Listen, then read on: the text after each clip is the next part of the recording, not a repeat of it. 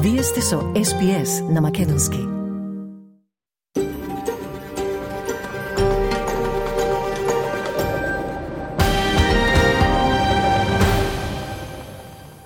Синоќа највисоките тела на СДСМ и на Алијансата на албанците одржаа посебни состаноци на кои ја разгледуваа можноста за влез на Алијансата во владата, со што би се зголемило парламентарното владеачко мнозинство со осумина пратеници. По состанокот на СДСМ порт паролката Богданка Кузевска изјави дека бројот на министрите на незината партија нема да се намали и дека следните денови ќе следи средба меѓу лидерите Ковачевски и Таравари. СДСМ го задржува бројот на министри како и досега. Имаме зголемено мнозинство во собранието, поголема поддршка на реформскиот и на европскиот курс на земјата и политичка стабилност. Опасноста е земјата да биде зафатена од радикални елементи како левица, кои сакаат да го сменат нашиот пат кон Европската Унија и да не испратат во изолација и сиромаштија. Разликата, почитувани, е јасна. За жал, Левица го зеде ВМРО да ДПМН како заложник. Исто како во деновите на Груевски, кога беа блокирани евроинтеграциите. На оваа изјава реакција од опозицијата до доцна синоќа немаше. Лидерот на Алијансата Арбер Таравари поседницата синоќа за новинарите изјави дека Централното председателство дало согласност партијата да влезе во владината коалиција. Повеќето членови на Централното председателство донесоа одлука Алијанса за албанците да биде дел од владата и тоа со два заменици министри за одбрана и за земјоделство и три министерства, правда и здравство се сигурни, и третото министерство ќе биде или Министерство за информатичко обшество или заменик премиер за економски и стопанствени прашања.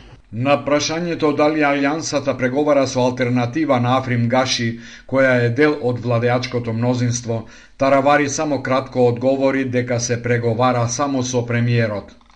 Односите со Македонија се во состојба на вето, вели бугарскиот председател Румен Радев. Само кога бугарите ќе бидат внесени во македонскиот устав, ќе може да се зборува за почеток на преговорите на Унијата со Македонија, вели Радев. Пред почетокот на вонредниот состанок на Европскиот совет, бугарскиот председател најавува дека ќе бара поддршка од членовите на Унијата за да се воведе мониторинг со кој ќе се гарантира почитувањето на правата на македонските бугари.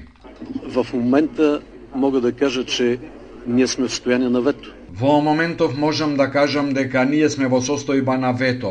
Тоа решение успеавме со многу труд да го внесеме во преговарачката рамка до последниот момент со помош на председателот Макрон, првата меѓувладина конференција или почетокот на преговорите да почнат само и единствено кога бугарите ќе бидат впишани во уставот на нашиот сосед. Тие до моментов не се впишани, преговорите не се почнати, така што ова е состојба на вето. Преговори не се започнати. Така че тоа е состојание на вето. Македонскиот премиер Димитар Ковачевски му одговори на Радев дека вето нема. Тој пред македонските новинари рече дека во актуелниот предизборен период во Бугарија, бугарските политичари се во трка за собирање политички поени. Бугарија не би ја коментирал, бидејќи тие се наоѓаат во избори, и таму секој дава из, изјави само за да собере некој глас плюс. Ние со Бугарија не преговараме за влез во Европската Унија, ние преговараме со Европската Унија во Брисел за влез во Европската Унија. Вето нема да има, бидејќи ние веќе ги отпочнавме преговорите. Опозицијата пак обвинува дека креаторот на сите проблеми со Бугарија е владата предводена од СДСМ. ВМРО ДПМН бара премиерот да одговори дали уставните измени се последните барања од страна на Бугарија. Марија Митева, портпарол на партијата на пресконференција изјави. Креаторот на спорот е токму владата на СДС, затоа што пред 6 години Македонија немаше спор со Бугарија.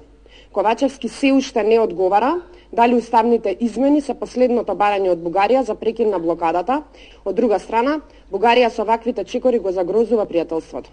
Не е јасно како ќе ги убедува Радев членовите на Европската Унија дека Македонија води антибугарска политика и ги повредува правата на македонските бугари, откако Комитетот на министрите при Советот на ЕУ донесе резолуција со која се отфрлаат сите бугарски тврдења и е утврдено дека не постои никаква дискриминација врз малцинствата во Македонија. Завчера и Советот на Европа потврди дека во земјава не се врши систематска дискриминација врз бугарското малцинство. Со отфрлање на амандманите од Софија, Комитетот на министрите на Советот на Европа во Страсбур усвои резолуција со која се потврдува дека не се точни обвинувањата дека во земјава се врши дискриминација и стигматизација врз малцинството. Целата македонска јавност е револтирана поради тоа што умираат луѓе од болести за кои постојат лекови, но во Македонија ги нема. Последниот револт го предизвика смртта на Благојче Илиевски од Битола, кој беше најтешко болен пациент од цистична фиброза и кој почина завчера поради тоа што го немаше лекот. Неговите соборци од Сдруженијето за цистична фиброза вчера се собраа пред владата да му оддадат последна почит и да го искажат својот револт. Жалосно е во 21 век, кога има лек за оваа болест, да умираат пациентите со цистична фиброза. Значи, ние многу сме изреволтирани од предолгото чекање, од предолгото, предолгото одлучување дали да се донесе лекот и за колку пациенти. Мислам дека нема веќе чекање. Лекот за кој пациентите со цистична фиброза молат цели две години, државата сега итно ќе го набавува. Според премиерот Ковачевски, виновна е бирократијата. Тој пред новинарите рече дека од вчера се преземени сите чекори за итна набавка на лекот Трикафта за најкритичните пациенти, а од Министерот за здравство Беким Сали очекува одговор дали и натаму ќе раководи со Министерството за здравство. Посебно Министерот за здравство да размисли и да ми каже дали може да го продолжи својот мандат. Јас мојата одлука за кадровските прашања ќе ја донесам после тоа. Министерот Сали пак вели дека за набавка на терапијата поддршка била побарана и од владата, од Министерството за финансии и од Фондот за здравствено осигурување. Необходните 140 милиони денари за набавка на лекот Трикафта се одобрени вчера, вели министерот. Министерството за здравство не би било најодговорното најодговорната институција за за тој случај.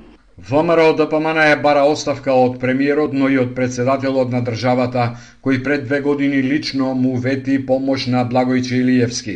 Марија Митева на пресконференција рече. Дали Димитар Ковачевски чекаше да изгубиме млад човечки живот за да глуми лицемерен душегрижник и сега веднаш да почне да се грижи за луѓето болни од цистична фиброза. Благојче Илиевски не ја дочека набавката на лекот Трикафта, за кој до вчера државата тврдеше дека е прескап, велат членовите на Сдруженијето на болните од цистична фиброза. Стравични гледки и градови речиси срамнети со земјата е првата слика што ги дочекала македонските специјални сили кои завчера пристигнаа во Турција и активно се вклучија во спасувачката мисија. Дел од македонскиот тим се и осумина пожарникари од Струмица. Тие се наоѓаат во градот Адијамен. Водачот на групата Вернер Стојлов за ТВ Сител вели дека градот е целосно разурнат, а бројот на загинати постојано расте. Има овде сега моментално нашата екипа работеше на ова зграда, точно кажено 10 каплица, во која што според кажувањето на жителите има преку 100 мртви. Само двајца успеале да се спасат. Пожарникарите од Струмица му се приклучија на вториот македонски конвој кој завчера замина во подрачја погодени од земјотресот во Турција и Сирија. Тимот е под ингеренција на Дирекцијата за заштита и спасување, а е составен од специјално обучени спасувачи од неколку општини.